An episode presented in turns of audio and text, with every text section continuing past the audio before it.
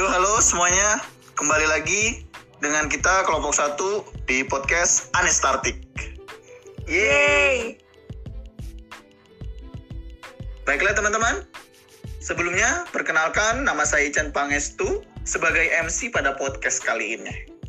Jadi pada kesempatan kali ini kita akan mengobrol santai dengan judul overdosis. Sebelum kita berbincang-bincang, alangkah baiknya kita berkenalan dulu yuk. Halo, saya Mila. Halo, saya Lastri. Halo, saya Alia.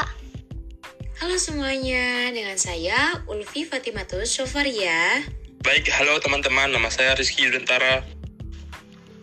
Hai, saya Rasti. Saya Irma. Wah, salam kenal ya semuanya. Oh iya, eh, ngomong-ngomong, kalian tahu nggak nih apa itu overdosis? Tahu dong, overdosis adalah mengkonsumsi obat yang berlebihan atau keadaan di mana seseorang mengalami ketidaksadaran akibat menggunakan obat yang terlalu banyak. Nah, ketika batas toleransi tubuh dalam mengatasi zat tersebut terlewati atau melebihi toleransi badan, maka overdosis ini dapat terjadi. Oh, seperti itu. Emang awal mulanya overdosis itu seperti apa ya? Atau tanda dan gejalanya itu bagaimana? Tanda dan gejala pada overdosis yaitu tidak merespon pada sentuhan atau suara, wajahnya pucat atau membiru, tubuhnya dingin dan kulitnya lembab, tidak bernapas selama 3-5 menit, atau bernapas tetapi sangat lambat, kira-kira 2-4 kali dalam 1 menit. Keluar busa pada mulut, sakit atau seperti ada tekanan yang sangat kuat di area dada, menggigil, keringat dingin mengalir deras, pingsan, dan kejang-kejang. Bukan hanya itu saja loh, ada juga anoreksia, nyeri kepala, rasa lemah, rasa takut, tremor pada lidah, kelopak mata, pupil miosis, keracunan sedang seperti nausi, muntah-muntah, kejang atau kram perut, hipersaliva, hiperhidrosis, fasikulasi otot, dan bradikardi. Keracunan berat seperti diare, pupil pipoin, reaksi cahaya negatif, sesak nafas, sianosis, edema paru, inkontinensia urin dan feses, kovulasi koma, blokade jantung dan akhirnya meninggal. Oh, gitu. Eh, emang overdosis gitu gambaran klinisnya seperti apa sih ya?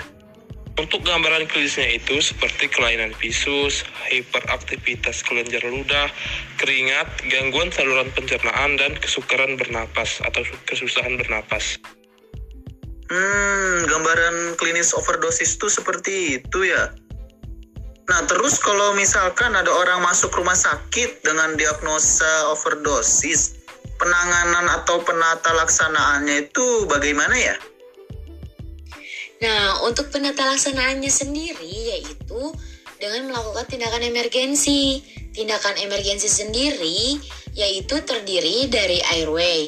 Airway ini merupakan membebaskan jalan nafas.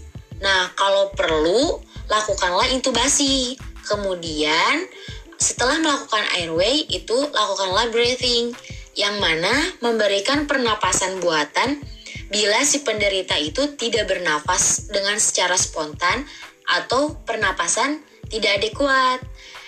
Kemudian yang terakhir yaitu circulation. Nah, circulation sendiri ini tuh yang mana memasangkan infus bila keadaan si penderita tersebut gawat dan perbaiki perfusi jaringan. Eh, bukan itu aja. Selain itu, ada identifikasi penyebab keracunan. Bila mungkin, identifikasi penyebab keracunan, tapi hendaknya usaha mencari penyebab keracunan terlebih dahulu. Tidak sampai menunda usaha-usaha penyelamatan penderita yang harus segera dilakukan. Oh iya, aku izin nambahin ya.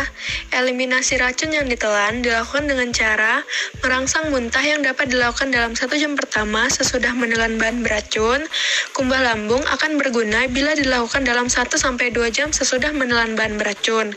Dan pemberian norit atau activate charcoal, tetapi jangan diberikan bersama obat muntah. Pemberian norit harus menunggu paling tidak 30-60 menit sesudah emesis. Nah, dan jangan lupa juga nih pemberian antidotum kalau memungkinkan, pengobatan suportif, pemberian cairan dan elektrolit, perhatikan juga nutrisi penderita, terus pengobatan simptomatik seperti kejang, hipoglikemia, dan kelainan elektrolit. Banyak juga ya ternyata untuk penata laksanaannya itu sendiri. Nah, sekarang untuk pengkajiannya pada overdosis itu seperti apa? Kalau untuk pengkajian itu sendiri, difokuskan pada masalah yang mendesak, seperti jalan napas dan sirkulasi yang mengancam jiwa, adanya gangguan asam basa, keadaan status jantung, status kesadaran, riwayat kesadaran, riwayat keracunan, bahan racun yang digunakan, berapa lama orang diketahui setelah keracunan, dan masalah lain sebagai pencetus keracunan dan sindroma toksis yang ditimbulkan dan kapan terjadi Oh iya, kalau menurut Kak Mila nih, masalah yang mungkin muncul pada overdosis ini seperti apa ya? Kalau untuk masalah yang mungkin muncul ada empat, yaitu tidak efektifnya pola nafas, resiko tinggi kekurangan cairan tubuh, gangguan kesadaran, dan tidak efektifnya coping individu. Nah, dengan masalah yang mungkin muncul itu, bagaimana sih perencanaan yang harus dilakukan? Untuk perencanaan yang harus dilakukan itu yang pertama itu kita bisa melakukan pertolongan pertama. Yang dilakukan meliputi tindakan umum yang bertujuan untuk keselamatan hidup, mencegah penyerapan dan penawar racun atau antidotum. Yang meliputi resusitasi, airway, breathing, sirkulasi, eliminasi untuk menghambat absorpsi. Melalui pencernaan dengan cara kumbah lambung, amesis, serta berikan antidotum sesuai advis dokter minimal 2 kali 24 jam yaitu pemberian SA atau sulfas atropin. Selain itu, perawatan sportif yang meliputi untuk mempertahankan agar pasien tidak sampai demam atau menggigil, yaitu dengan cara memonitoring perubahan-perubahan fisik, seperti perubahan nadi yang cepat, distres pernapasan, sianosis, diaporesis, dan tanda-tanda lain kolaps pembuluh darah dan kemungkinan fatal atau kematian. Nah, kita harus memonitor vital sign setiap 15 menit untuk beberapa jam dan laporkan perubahan segera kepada dokter. Catat tanda-tanda seperti muntah, mual, dan nyeri abdomen, serta monitor semua muntah akan adanya darah observasi feses dan urin, serta pertahankan cairan intravenus sesuai pesanan dokter. Jika pasien terjadi depresi pernafasan, maka berikan oksigen dan lakukan suction. Lalu, ventilator mungkin bisa diperlukan. Dan yang terakhir, jika keracunan sebagai usaha untuk membunuh diri, maka lakukan safety precaution.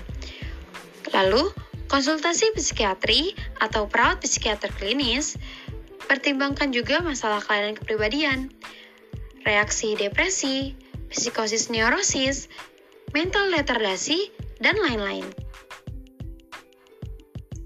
Wah, pembahasan kali ini menarik sekali ya guys ya.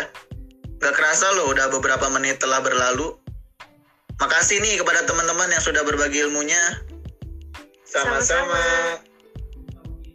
Baiklah kalau begitu, saya Ican Pangestu sebagai MC pamit undur diri. Apabila ada salah kata, saya mohon maaf. Sampai bertemu di podcast selanjutnya and see you goodbye. See you goodbye.